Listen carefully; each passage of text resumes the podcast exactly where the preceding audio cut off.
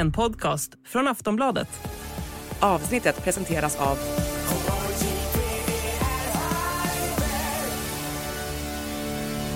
Stödlinjen.se, åldersgräns 18 år.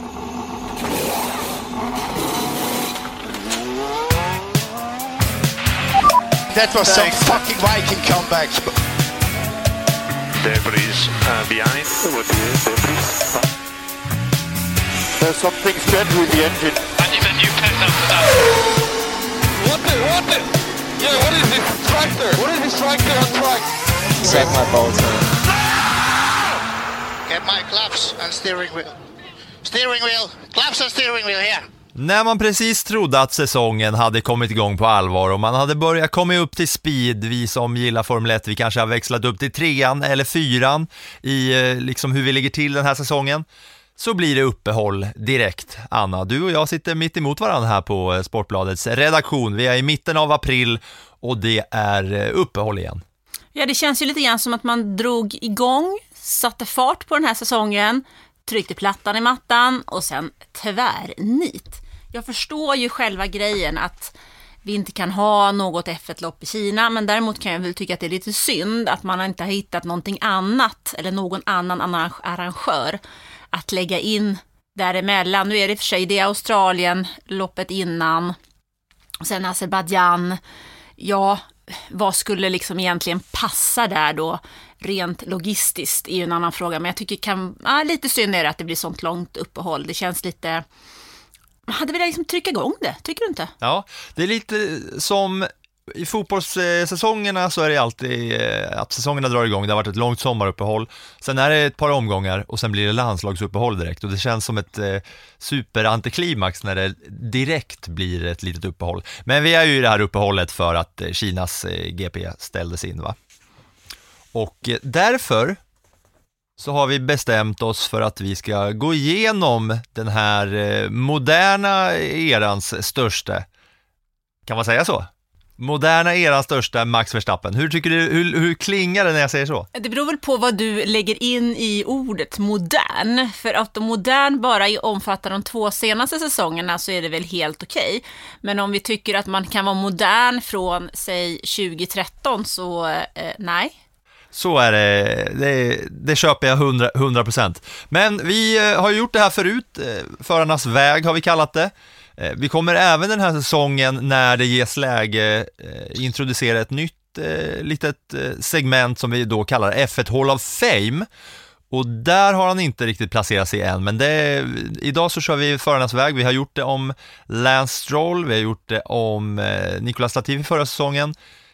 Yu Zhou har vi gjort, Daniel Ricciardo, Sebastian Vettel. Och Vettel har vi gjort. Och nu har alltså turen kommit till regerande med världsmästaren, dubbelfaldige världsmästaren Max Verstappen. This is Plattan E. Matten. Förarnas väg. jag, egentligen så är det här en förare som man har liksom hört talas om redan när han körde go-kart. Och till skillnad från de flesta andra så klarade ju Max Verstappen av att gå från Formel 3 till Formel 1. Och det där steget som han tog då, jag är tveksam till om det hade varit möjligt att göra det idag. Det ska ju vara någon sån supertalang. Ja, det är ju inte möjligt att komma upp i den unga ålder som var Max Verstappen hade när han kom till Formel 1, för reglerna har faktiskt gjorts om sedan dess. Och det är lite det som är eh, spännande tycker jag med Max Verstappen också, det är ju det här att han faktiskt har skrivit om inte bara historieböckerna utan också regelboken. Ja, Eh, just med att han började köra när han var 17, att han kom upp till Formel 1. Det är där du syftar på va? Ja, att han var, han var 17 år gammal när han körde i Formel 1. Han hade inte ens körkort. Jag vet, jag träffade honom under första året när han körde i Toro Rosso och då ställde jag faktiskt den frågan och han försökte, han svarade sådär eh, vuxet och inlärt liksom. Men eh, eh det var ju rätt tydligt att det satt en ganska ung kille på andra sidan bordet och det finns ju en, ett, ett roligt presskonfer, presskonferensmoment när de sitter sex förare där. Lewis Hamilton på nedre raden, Max Verstappen längst uppe till höger och, ja, och Verstappen har precis eh, burst into the scene som man säger och Hamilton vänder sig och frågar Vänta, är du född 1997? Och man ser hur Hamilton liksom har svårt att ta in det. You were born in 97? Yeah. Jeez. Man ser hur det går igenom hans huvud, han bara, fan jag var ju nästan vuxen 97. Nej, Ja, var, inte var väl inte, men Han är född 85 så att, eh, han var 12 typ. Men nästan, vissa kanske känner sig vuxna vid, vid 12 års ålder. Men eh, första gången som du, eh, när, när Max Verstappen, när hans namn liksom började komma in på eh, motorscenen på riktigt, när du började höra talas om honom och när han kom in i Formel 1, var det något annorlunda än om man jämför med de nya förarna vi har i år?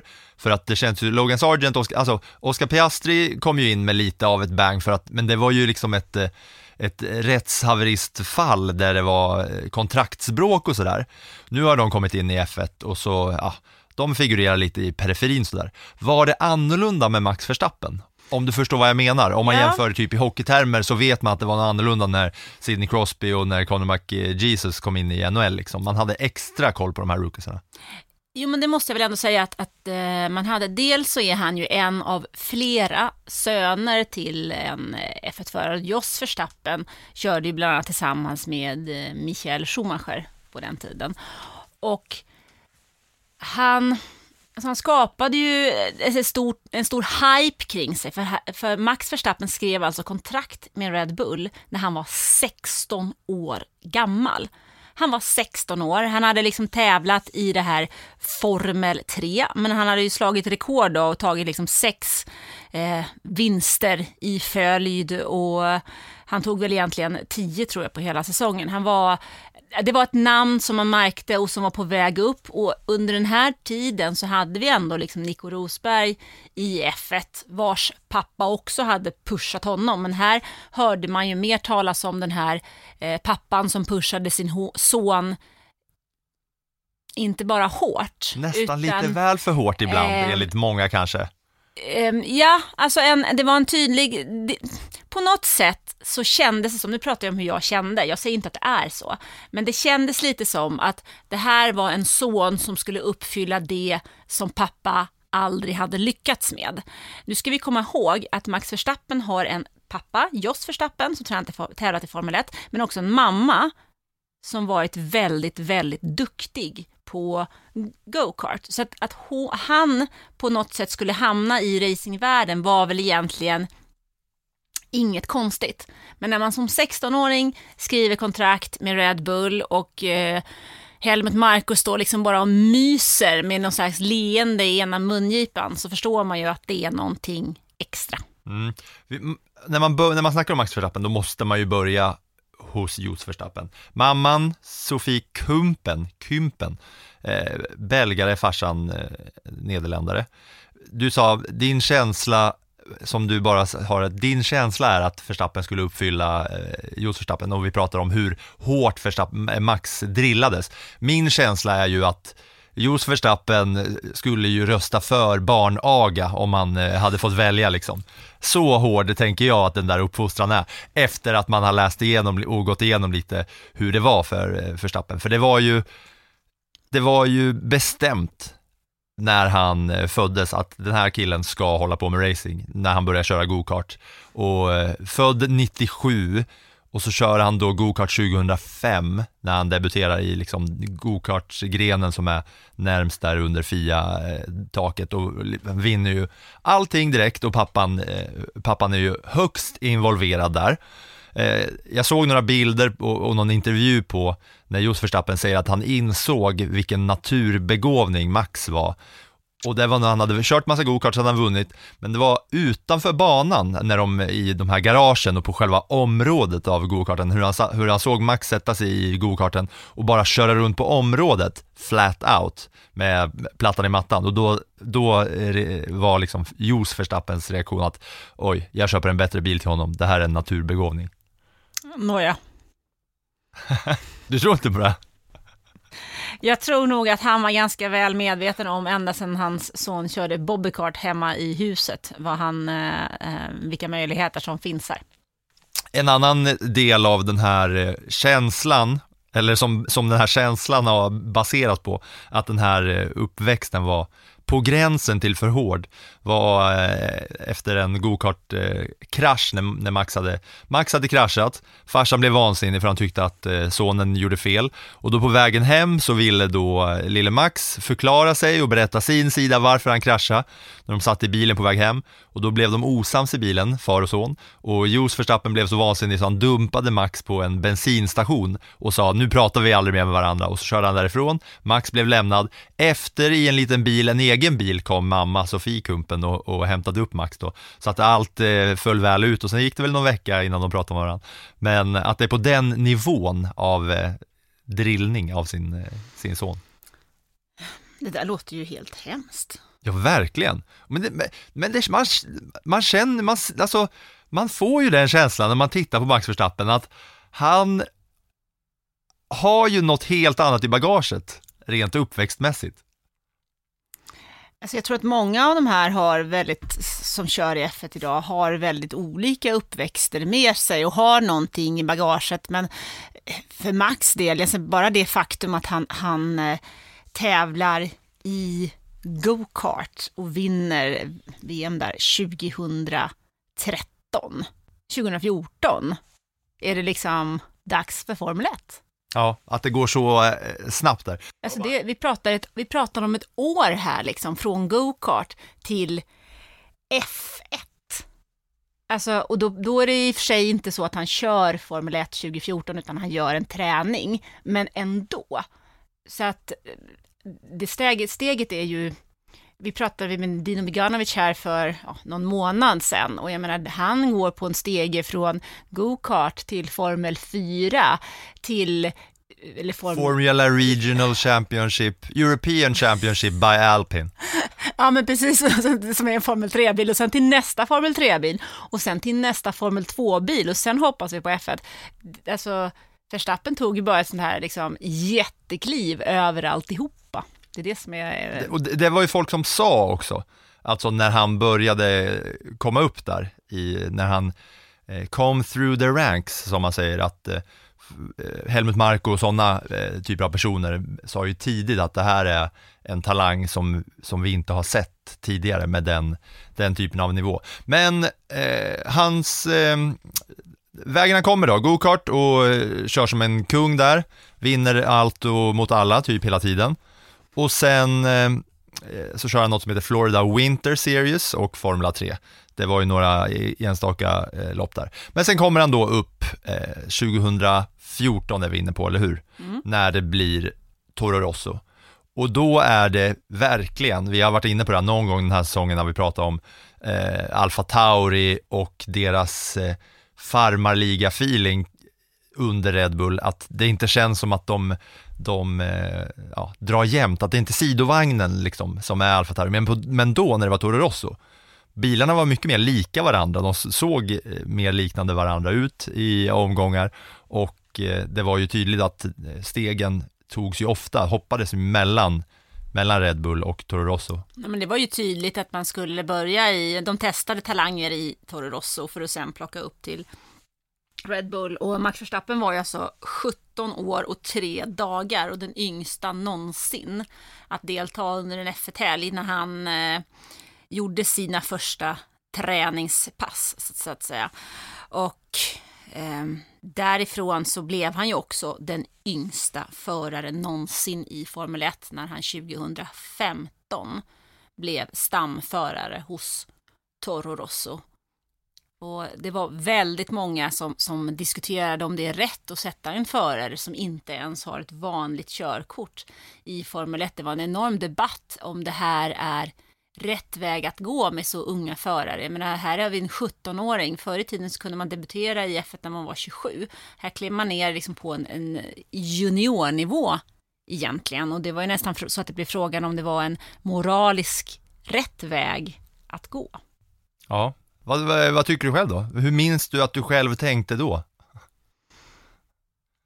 Alltså jag tyckte nästan lite synd om honom faktiskt. Eh, för att hans jag förstår ju att han väldigt gärna ville köra Formel 1, men någonstans så tror jag att man får rätt mycket med sig i bagaget genom att köra Formel 3 och Formel 2 också. Eh, att det kan vara viktiga lärdomar att ta och under hans första år, eh, även de år, första åren han hade hos Red Bull så var det ju tydligt att han kanske saknade erfarenheter i vissa lägen. Och då pratar jag kanske inte bara om racingen, utan allt det som är runt omkring. Det handlar ju också om att mogna som människa. Jag är själv en son som är 16, jag vet inte riktigt. Ja, tänk dig om du skulle sätta honom på en presskonferens eh, tillsammans med, med Hamilton, Verstappen, Alonso och ja, någon mer. Alltså den tror, jag, den tror jag nog jag skulle klara, men alla de här andra besluten som ska tas runt omkring, tänker jag. Vi har ju sett Jos Verstappen med väldigt mycket som en, en skugga, vakande skugga över sin son och ibland så tror jag nog att, att Max själv hade mått bättre av att få växa in i rollen och ta ett större ansvar själv för vad han vill. Ibland så, mm. Och om det skulle vara så, då undrar man ju vart han hade varit idag med tanke på att den här vägen ändå tog honom till två raka världsmästartitlar. Ja, den har den ju gjort. Alltså, den har ju varit framgångsrik, men sen kanske man ska titta också eh, under ett längre perspektiv. Om man ser till sporten, hur länge vill man ha honom kvar? För han bygger ju upp ett varumärke som sporten kommer att vilja behålla. Men hur, nu, han har visserligen ett väldigt långt kontrakt. Men när det kontraktet går ut, det är väl 2028 tror jag, så är han ju fortfarande ung. Ja. Och det här är en stjärna som sporten säkert hade haft glädje av att ha under längre tid. Men han hade ju inte förlorat någonting egentligen på att debutera i F1 när han var 20-21. Han hade ju antagligen vunnit en ungdomstid och lite som sin person. Och så kanske sporten har haft glädje av honom under längre tid än vad man kanske har nu. För någon gång kommer ju han också känna att eh, F1 står honom upp i halsen. Ja. Han kommer ju vilja testa, vad, vad i livet har jag missat? Jag kollar in den här go-kart-karriären som man börjar köra 2005 då. Född 97, 2005 började han köra go-kart. Och då är det ju en, eh, ja, det är ju en lång lista med olika typer av mästerskap. Där det nästan står etta på alltihopa. Det står etta, etta, etta, etta, etta. Det är alltså, vi snackar om åren mellan 2005 till 2000, eh, 2013 så det är väl en 1, 2, 3, 4, 5, 6, 7, det är väl en 30-tal eh, tävlingar som, eller mästerskap som han har vunnit eh, innan han tar sig vidare upp då till det som är Formula 3 eh, och då hette European Formula 3 Championship va? Hur mycket jag försöker lära mig så, så, så landar jag aldrig i hur de här eh, namnbytena har, har gått. jag har liksom insett att det är ingen idé att ens försöka, utan jag koncentrerar mig på det som vi har just nu och försöker att få dem rätt. Ja, men därför är det ju skönt ändå att han inte härjade så mycket i de där eh, underserierna när det hette GP Series och GP3 och GP 2000 och GP 12000 hit och Formula European hit och dit. Eh, det var ju inte så lång tid eh, och han vann ju, han kom trea första året när han körde Formel 3, va? Esteban Ocon vann den säsongen tror jag.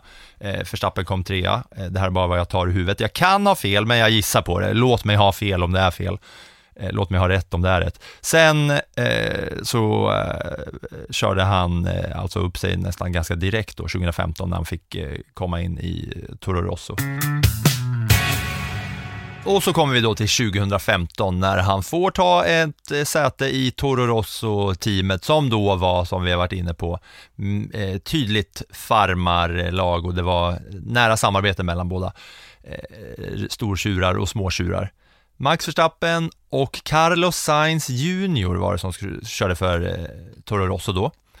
Ett år som han kommer in och blir tolva.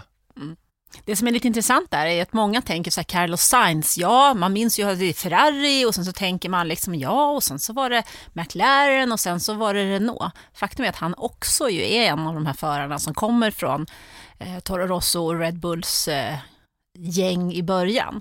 Och här var det ju, förväntningarna var ju större på Carlos Sainz inför den här säsongen än vad de var på Max Verstappen. Carlos Sainz född 94, Verstappen född 97 och Verstappen kommer in där och ska bråka med Sainz och han gör det bättre. Ja men det gör han, du kan titta bara, alltså, bara premiären eh, 2015 så bryter Verstappen. Ja, det är hans första race där mm. i Australien, mm. när han rullar ut på gräset och tvingas stanna för mot det börjar ryka om motorn. Precis, men eh, det, å andra sidan, så där, det racet gör ju Carlos Sainz bättre och eh, får en klart bättre start. Men sen så tar det inte så där himlans lång tid liksom innan det är tydligt att det finns någonting i den här unga föraren. Ja, han hade ju en, en tuff start om man bara kollar på hans resultat, eh, Verstappen, eh, den där säsongen 2015. Sainz börjar ju med en nionde plats i Australien, åtta eh, i Malaysia, det är andra racet Malaysia. Då kommer Verstappen direkt tillbaka och blir sjua före då Sainz. Sen har han det lite, lite mörka placeringar, liksom eh, får retire, DN, DNFa två gånger till innan det är typ runt Kanada, eh, Österrike, mitten av säsongen, det, då det börjar vända, då han eh, radar upp fina placeringar i en Toro Rossi som, som eh, liksom inte ska vara högst upp liksom. Nej, men samtidigt så sitter du där och pratar om lite tunga placeringar. Det här är ett år som Marcus Eriksson tar sina första poäng i F1 2015 och det gör han eh, Första, i- första, första racet var Australien. Australien och sen i Kina plockar han och han tar liksom han tar nio poäng totalt den säsongen Marcus och det var en, det tyckte vi här hemma då i Sverige var en framgång. Alltså där pratade vi om att Marcus ändå kommer, har tagit sig framåt, att han tagit sig uppåt och så vidare. Eh, även om han också får stryk av sin teamkollega så ser vi ändå att ja, men här händer någonting. Och då ska vi veta att Eriksson slutar 18 i mästerskapet det året. Nio poäng bara. 9 poäng och Verstappen som då är 17 år, inte torr bakom öronen och sitter och knappt vet hur han ska svara, vågar knappt titta med ögonen när vi har, gör en sån här one-to-one intervju. Han slutar 12 och tar eh, 49 poäng, fler än Erikssons kollega hos Sauber, Felipe Nasser. Men äh, var han så? Var han liksom nerv- nervös och... eh, Ja, men då var han det. Alltså då var det inte alls... Nu är han ju ganska självklar när han står framför tv och kaxig? Ja, men han är ju det. Men det är ju för att han har gjort det 2811 gånger och han har ju aldrig behövt göra fel. Han har ju alltid en viss trygghet i det där, men då så var det ju inte så. Då var han ju ny, han var ung och jag vet att vi pratade en del om det här med hans väg in i Formel 1 och hur han berättade om hur han liksom hade lekt i depån som barn. Att det här liksom alltid hade varit en naturlig del för honom att vara med och han hade kom ihåg när hans pappa hade kört och gjorde ett av sina bästa race. Och det, det var liksom, den här familjegrejen var på något sätt för honom så närvarande och tydlig och han var, men han var försynt. Ja. Ehm, Nej, men ju, just den där grejen har han ju många gånger pratat om, framförallt i, i tidiga intervjuer för Stappen, att han tycker inte att det är något konstigt att han är, att han är där, för att han alltid vetat om att jag ska bli en Formel 1-förare och han basically grew up in the pit lane, har han ju sagt. Eh, för att han alltid var där när farsan eh, körde. Men det är ju en skillnad då, tänker jag, på eh, om man ser på Jos Verstappen och Michael Schumacher som faktiskt körde ihop, som har, båda två har barn, som nu är F1-förare, även om Mick är reservförare. Så eh, Michael Schumacher tog ju inte med sig sin familj. De var ju aldrig med och sprang i depå. De var där ibland, men inte som en naturlig del, därför att han var så känd, så att han ville ju skydda dem. Och han, Jos Verstappen är inte lika känd som Michael Schumacher. det, men det begav var sig. liksom lite privat, medan Jos Verstappen hade med sig Max, men det var inte, folk brydde sig inte på samma sätt. För han var ju inte lika känd. Nej. Så han kunde ju kuta runt där och leka kurragömma bakom däcken. Jos Verstappen hade ju inte, alltså det kanske vi borde sagt i början av det här, prata lite om vad han hade för typ av karriär farsan. Han körde ju Formel 1 men det var ju ingen, eh, det var ju ingen stor karriär han hade. Max Verstappen gick ju förbi totala poäng under sin första Formel 1-säsong, gissar jag på. Han tog inte många poäng, eh, Jos Verstappen. Nej. Körde Benetton, Benetton eh, och så var han lite en, av en nomad som hoppade från stall till stall. Ja men han gjorde väl, alltså, han är väl mest känd, nu låter det ju hemskt, men han är väl, bilen brann i Tyskland. ja men han är också mest känd för att vara Michael Schumachers eh, teamkollega 94 när Benetton vann VM-titeln. Eh, och det inte var han som gjorde det. Nej, för då kör de ju eh, samma team och han tar 10 poäng då, 94, Mm. Jos Verstappen. Mm. Kommer 10 med 10 poäng. Det var ett annat poängsystem helt- och så vidare. Det var ett helt annat poängsystem eh, på den tiden. Medan Michael Schumacher då vann 94 och 95 och hans eh, liv tog en helt annan riktning så eh, var det lite mer tveksamt för Jos Verstappen som faktiskt ändå körde F1 fram till och med 2003. Det är lite coolt, för Fernando Alonso har ju liksom kört mot hans eh, Max Verstappens pappa. Ja, ja och nu sitter, de, nu sitter de där. Ja, just Verstappen, ja. Han, men eh, det här eh, Tysklands, Tysklands Grand Prix, det som jag tänker på det är bara att jag har sett eh, ja, några så här memorable moments in F1 history eller någon sån YouTube compilation när just Verstappen sitter i den där gröna bilen de tankar och sla, slangen slinter. Mm. Vet du vad jag pratar om? Så blir det ju Ja. ett stort jävla eldklot hela hans bil. Precis. Det är vad jag tänker på när jag tänker på just Verstappen. Ja, ja, han satt ju där i flera, flera sekunder i den där brinnande bilen. Mm, Det var ett problem som man hade när man tankade. Det var en av anledningarna till att tankning inte finns idag, förutom att man faktiskt ville spara pengar, för man slipper ju ha ett par gubbar till i depån. Mm.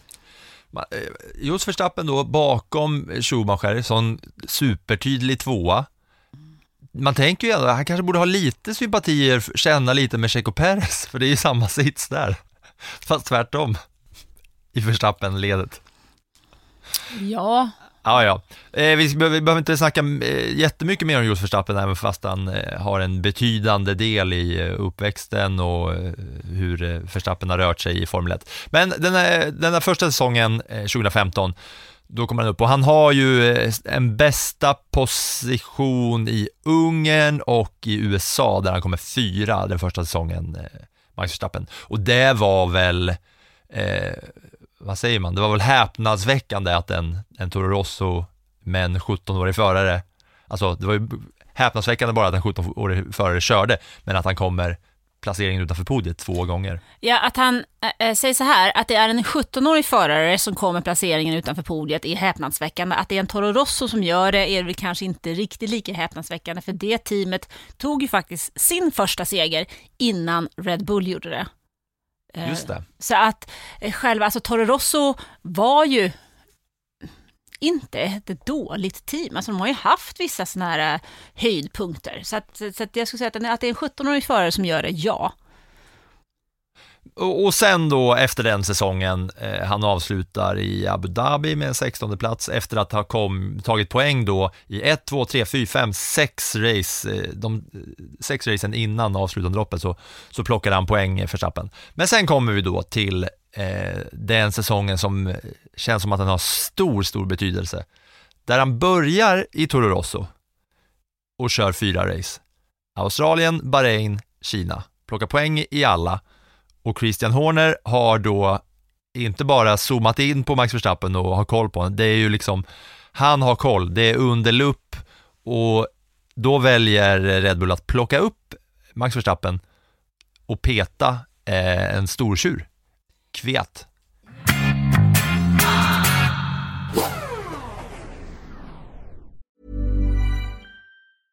Finding your perfect home was hard, but thanks to Burrow, furnishing it has never been easier. Burrow's easy to assemble modular sofas and sectionals are made from premium, durable materials, including stain and scratch resistant fabrics. So they're not just comfortable and stylish, they're built to last. Plus, every single Burrow order ships free right to your door. Right now, get 15% off your first order at burrow.com slash ACAST. That's 15% off at burrow.com slash ACAST.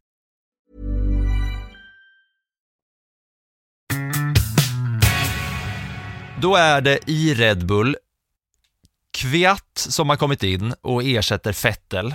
och i stor Red Bull är det då Ricciardo och Kviat. Verstappen kör bara fyra race i Toro Rosso innan Horner och de bestämmer sig för att kicka Kviat och plocka in Verstappen. Mm, Och det där är ju en liten eh, smutsig, eller i alla fall grådaskig historia, för att Kviat har inte gjort något dåligt jobb. Han har varit väldigt ojämn, alltså det har kostat rätt mycket pengar för att det har kraschats lite bilar här och var, men han tar ändå en pallplats i säsongens tredje lopp. Sen kommer vi till det fjärde som går i Ryssland, hans hemland. Och där kör han och kolliderar med Sebastian Vettel. I'm out! Crash! Somebody hit me in the... Och då blir Red Bulls chefer så förbannade så att de gör ett byte där. De talar egentligen inte om för Kviat att han ska bytas ut. Han tror att han ska köra för dem i Spanien två veckor senare. Medan de samtidigt då hittar en lösning där de tar med Max Verstappen till Österrike, träffar honom och preparerar honom för att kliva upp i Red Bull. Så det där är en, alltså Kviat blir ju sviken, ledsen och besviken inför den här tävlingshelgen i Spanien. Och eh, Verstappen vet väl egentligen inte på vilken fot han ska stå, för han är ju inte mogen nog egentligen för att ta den uppgiften. Men det som händer är ju samtidigt så har vi ju blickarna på någonting helt annat. Jag var där under den här helgen och det här är då alltså 2016. Det är det året som Mercedes förare är så otroligt i luven på varandra. Och den fighten, eller det stjärnornas krig som jag vet att vi kallade det för, den började egentligen i samband med att, att Hamilton tog VM-titeln året innan, för då bestämde sig Rosberg för att han ska inte lämna något åt slumpen. Han ska ta den där titeln. Och han vann loppen i slutet av säsongen och han vann också de fyra första loppen säsongen 2016. Så Hamilton är jättepressad när vi kommer till Barcelona. Och som du säger, allt fokus är ju på Mercedes, för att det är just de här två som det handlar om. Allt fokus ligger på Mercedes och det är också Lewis Hamilton som har pole position i det här racet. Verstappen, han har ju liksom, ja, men han har gjort ett bra kval. Han har kvalat in som fyra i sin debut för Red Bull, men Ricciardo var trea. Men det är första led så är det då Hamilton och Rosberg. Hamilton på pole i Spanien. Mm. Hamilton har pole. Ser, vi sitter i det pressrummet där och man ser starten, men man ser inte start, alltså själva startrakan, man, den svänger runt, så från fönstret i presscentret så ser man inte, utan man, Många journalister, det är ett ganska avlångt rum med fönster ut mot banan och folk springer liksom för att se starten och sen följer man resten på tv. Och man ser då starten. Round the outside goes Nico Rosberg into turn one, ahead of Lewis Hamilton. Then sets in Daniel Ricciardo, and then Sebastian Vettel ahead of Max Verstappen. Skyndar man sig tillbaks och så ser vi hur Hamilton och Rosberg kolliderar. Alltså det är en sån här kollision som man, vi ser ju innan att Hamilton är väldigt aggressiv, vi vet hur läget är. Och man ser att Rosberg, hans bil får inte den farten som den ska ha. As round round turn three we go, and it's Nico Rosberg and Hamilton's onto the grass, and Hamilton's had a massive crash, and he's crashed into his teammate. The two Mercedes come together as Hamilton tried to pass on the inside, and he can cover his hands over his eyes, and he won't want to see that again.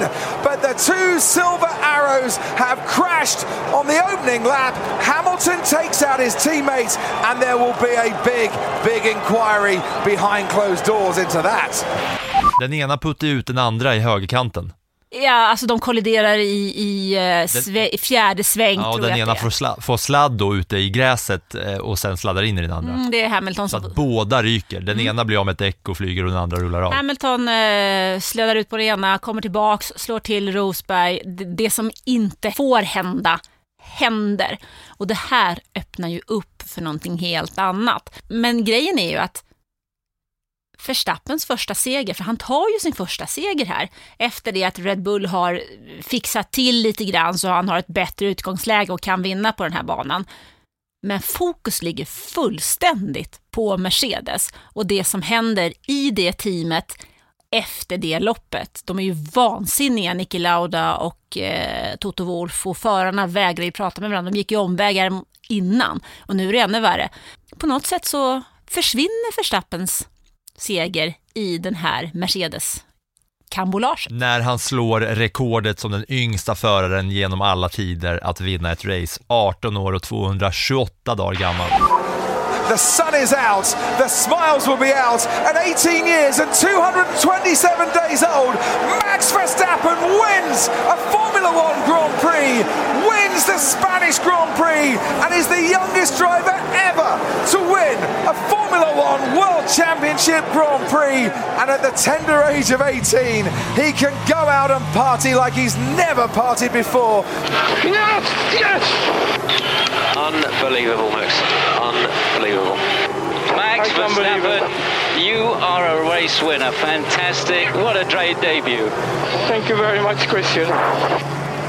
What a week it has been for Max Verstappen. Once of Toro Rosso, seven days later, he's up at Red Bull and he is now a race winner as well. It's incredible. I mean, as soon as the Mercedes car crashed, of course, I thought maybe podium is possible. Then, yeah, the last five laps, I have to say, you know, Kimi started to struggle as well. And from there on, I said, okay, now we are, we are going to win this race. Det känns som att det där kommer stå sig ett tag. Ja, alltså du, det krävs ju att det är någon 18-åring som kommer in i F1 och dessutom är en så pass bra bil att han kan eh, vinna ett race innan han fyller 19. Ja, han, slår ju, eh, han slår ju ett par rekord i det där racet. Det är inte bara att han vinner, han är även den yngsta som att ens stå på podiet, slår han det där rekordet också. Eh, och så är han även den yngsta föraren att leda ett, ett varv ens. Så bara sätta det i paritet till, i, till resten av historien, att han då är yngst, att ingen yngre förare någonsin har ens ledit ett, ett enda varv, så slår Max, eh, Max Verstappen det rekordet genom att, eh, ja, inte bara leda utan vinna också. En lite rolig grej är, om jag minns rätt, så, det, så säger Jos Verstappen efter det här loppet att han tror att hans son kan bli en bättre förare än vad han själv var. Och det känns ju som att det här lyckades han ju med på en kvart. Ja, det hade han gjort. Ja, och sen då, om inte F1-världen hade sina ögon och strålkastare på Verstappen så börjar man väl ändå öppna ögonen lite mer eh, vid den här tiden va? Ja men det kan man ju verkligen säga för sen så... Det vänder bara, det är ny, nytt blad, nytt kapitel. Ja men lite så, nytt blad, nytt kapitel, ny förare och eh, även om det är Mercedes som dominerar så tröttnar vi ju snart på den här Mercedes-dominansen. Det, visst det är spännande under säsongen som Nico Rosberg vinner och sen bestämmer sig för att lägga av. Och då börjar man ju leta efter någon annan som kan utmana Lewis Hamilton. Och det står ju klart, Bottas försöker ju under sina år i Mercedes men han är ju inte i närheten. Och då letar man ju efter någon annan och vad är då bättre än ett underbarn? Det finns ju inget. Och sen den säsongen då, det är ju då han slår igenom på bred front eh, Verstappen tack vare den här eh, segern då. En seger som ändå ska sägas kom tack vare, för hans skull, att eh, Mercedes-bilarna kraschade. För sen så blir det fyra, fem podium, sex podium till till och med den säsongen. Och han tar då 204 poäng i sin säsong där, där han inte ens började i, i stortjurarna. Ja, nej men det är ju en, det är ju en, eh, det är en makalös säsong han gör. Eh, Rosberg går ju och vinner den säsongen eh, efter, före Hamilton såklart och Ricciardo, Vettel, Max Verstappen följer en då 18-årig Max Verstappen. Eh, och sen så, så är han ju då, sen har han ju då befäst sin roll där, han konkurrerar ut Daniel Ricciardo ja, men han kommande gör... säsong. Ja, det är ju så här att den, anledningen till att Daniel Ricciardo lämnar Red Bull, det är ju att han inte känner att han kan nå fram. Han är racevinnare hos Red Bull, men han känner att han når inte ända fram, för det finns någon annan som teamet satsar på. Så det är därför han går vidare till Renault och sen till McLaren. Och inget av de teamen lyckas han ju inte närmelsevis med de resultaten som han hade hos Red Bull, så nu är han ju tillbaka igen i Red Bull som tredje förare. Han behövde ju gå ut för att hitta hem. Lite som där, och Max Verstappen har ju varit första förare, tydlig första förare i Red Bull sen dess. Och även om han har, om teamet har försökt att hitta någon parkompis till honom, så har de ju inte gjort det. De har ju försökt med Gasly, Pierre Gasly, de har försökt med Alexander Albon. Det är först när de fick tag på Sergio Perez som de hittade någon som klarar av att vara wingman till Max Verstappen, som kanske inser att äh, i det här teamet kan jag i alla fall vinna ett konstruktörsmästerskap. Jag har den stora delen av min karriär bakom mig. Det jag har uppnått är någonting bra. Här kan jag köra hem racevinster, men jag är del i ett team. Men jag vet också min plats i totalen. Det som är så intressant med att just Daniel Ricciardo är tillbaks i Red Bull som tredje förare är att det är verkligen helt upp och ner nu mot hur det var när Verstappen kom dit. Som en 18-åring, när Ricciardo var den stora stjärnan och Verstappen var där bakom. Och nu är, har Ricciardo då tagit klivet in i Red Bull och det är verkligen att positionerna har skiftat där. Att det är ju inte så himla länge sedan, så det måste ju ändå, de måste ju ändå ha tydliga, klara minnen av hur det var och hur det kändes då eh, för Ricciardo, att han var den stora stjärnan, så kom den här unga killen och nu kliver han in och då är den där unga killen där som den bästa i världen. Ja, men det, det är verkligen så. En, en annan detalj som faktiskt är lite, lite, det kanske den är lite snaskig, men vi kan köra den här Snaskiga ändå. detaljer, det, det har vi inte haft jättemycket, så eh, låt höra. Vet du vem Max Verstappens flickvän är? Nu? Ja, Nej, Kelly Piquet. just det, just det, hon just är dotter till Nelson Piquet.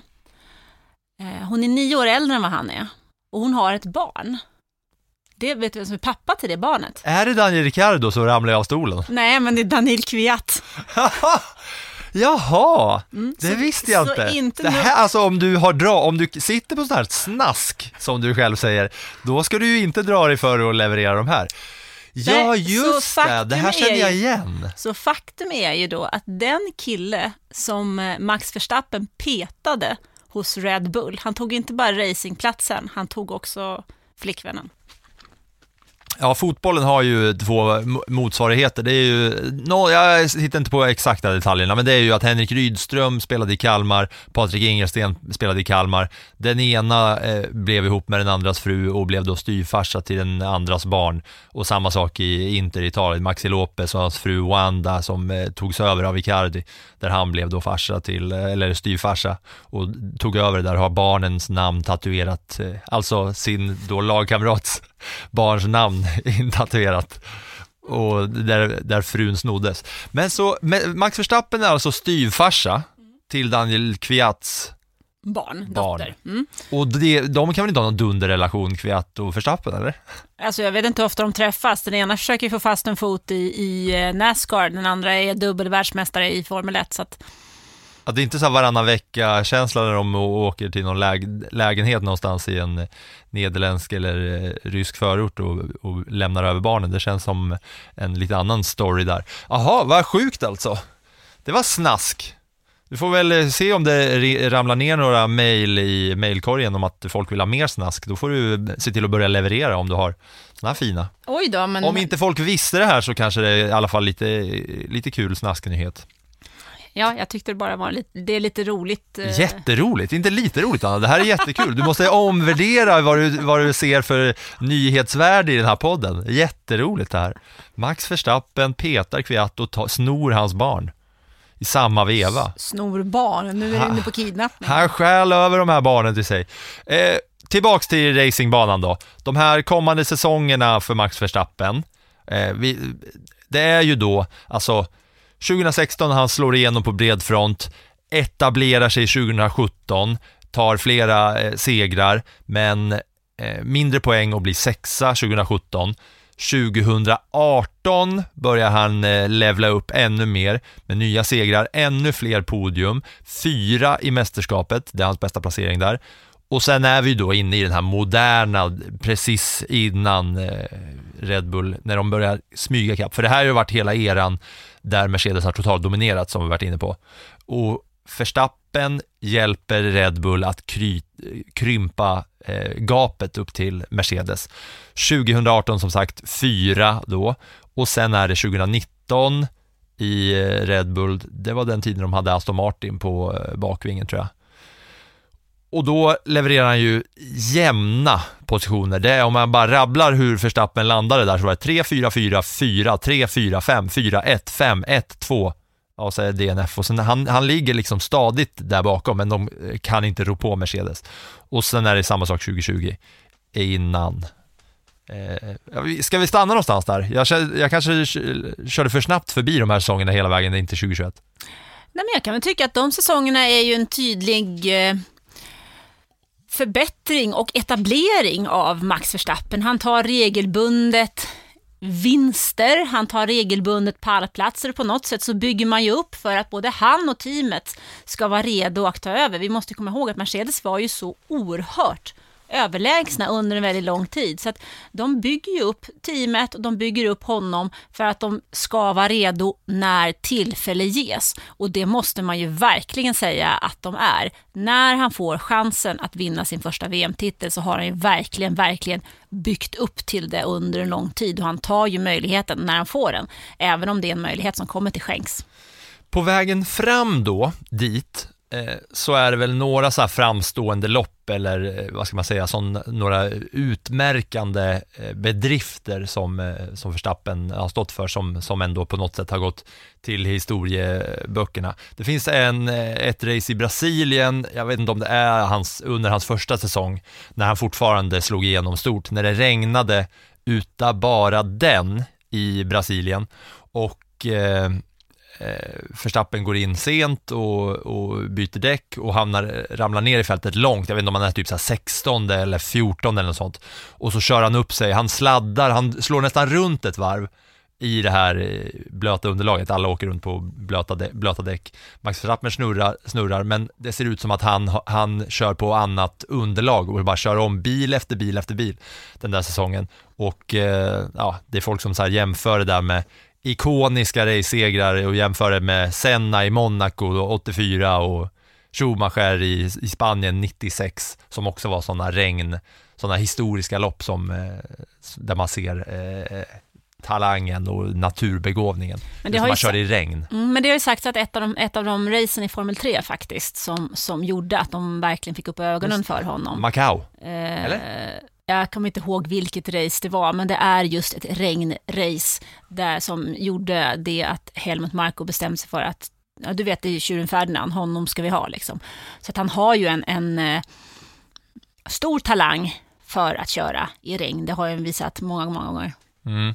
Eh, sen eh, så är det eh, två race som jag vill bara spela upp några roliga ljud från eh, när, vi, när vi närmar oss 2021 då. Eh, så är det eh, Österrike 2019 när han kör om eh, Leclerc på slutet Eh, för att, eh, för att kliva om.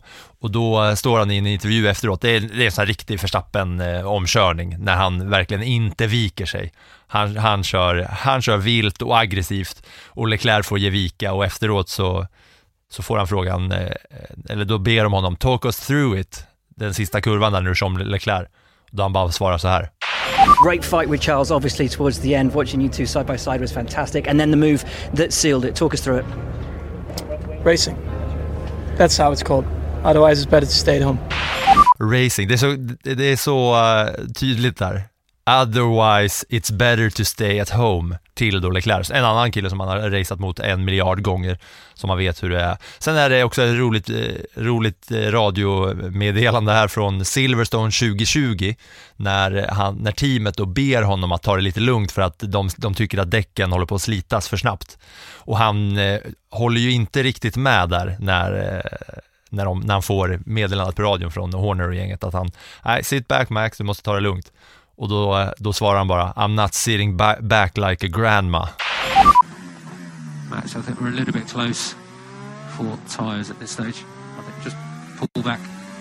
Mate, this is the only chance I'm being close to Mercedes. I'm not just sitting behind like a grandma. I'm being sensible, don't worry. Och går emot dem och vinner racet. Det finns väl ingen som kan eh, beskylla Max Verstappen för att agera som en far eller mormor? Nej, verkligen inte. Men eh, ja, det är vägen fram. Sen är det ju då säsongen 2021 när han blir världsmästare första gången.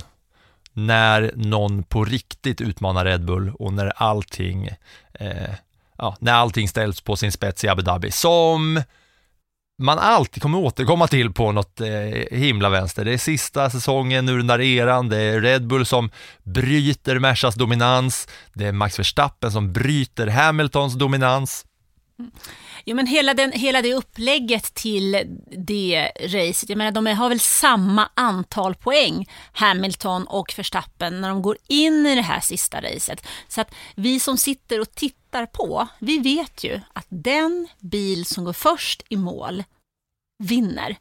Och loppet är ju också, det är ju tydligt så att, men det är ju Hamilton det känns ju som att det är Hamilton, den vise, gamle, erfarne mannen med, som har vunnit sju titlar, som är på väg mot sin åttonde, som att han ska ta det där. Sen händer den här incidenten då med Nicolas Latifi, där Red Bull tar ett annat, lite piggare beslut, går in och tar eh, nya däck. Man är osäker på hur det blir med regel, regelverket, så det blir ett litet hopkok av regler till att man startar om loppet och eh, Verstappen tar den där sista metrarna som gör att han får eh, sin första VM-titel och sin första stora, stora buckla att lyfta. Och det är väl en, ja, på något sätt så känns det som att hela den här säsongen byggdes upp till, Till det där momentet ja. Ja. Ja, ett ändå sällsynt moment att det avgörs i sista racet, mellan, att det står mellan två stycken. Det har väl hänt ett par gånger innan.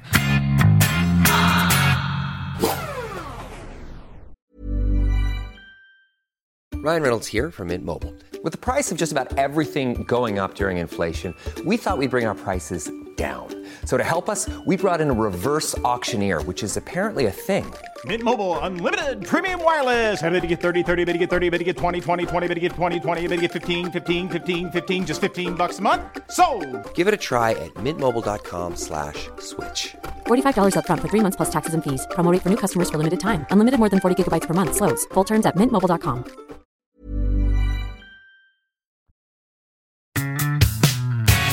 Om vi eh, kollar bara på lite rekord här. Jag vet att vi gjorde det här, eh, eller att jag radade upp alla de här Max Verstappen-rekorden Mm, någon jag gång somnade. Ja, något i den stilen. Jag kör dem supersnabbt här. Han är yngsta föraren att starta ett race när han var 17 år, 166 dagar. Eh, yngsta att vinna, eller att ta poäng, yngsta att vinna, yngsta att landa på podiet, yngsta att leda ett varv, yngsta att sätta snabbaste varv. Det gjorde, det gjorde han i Brasilien där 2016 när han var 19 år och 44 dagar. Och jag tror att det är det där racet som jag refererade till när han körde som eh, en, en eh, riktig dåre där han hade bytt däck.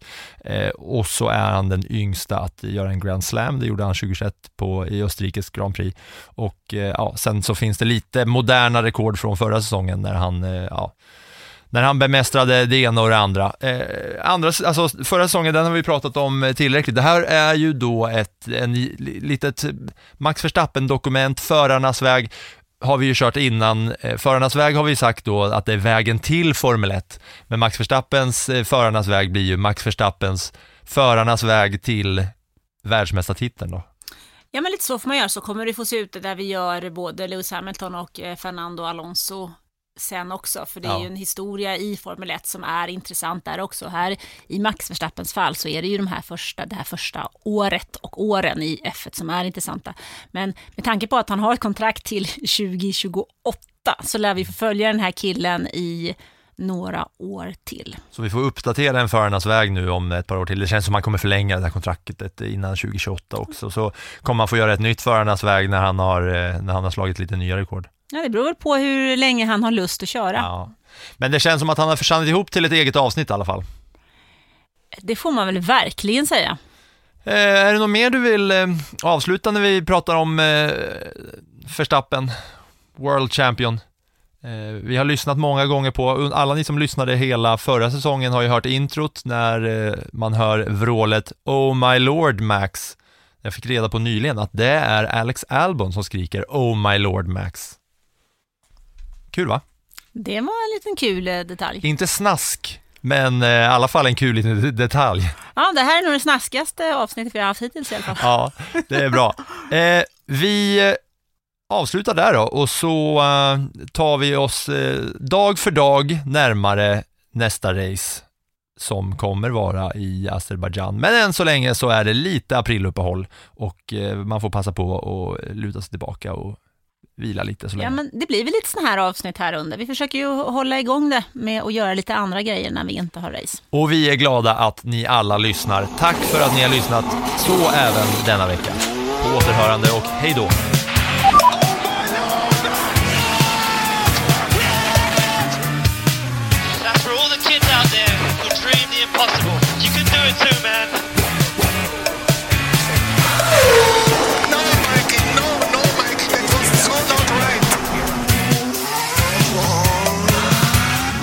My claps and steering wheel.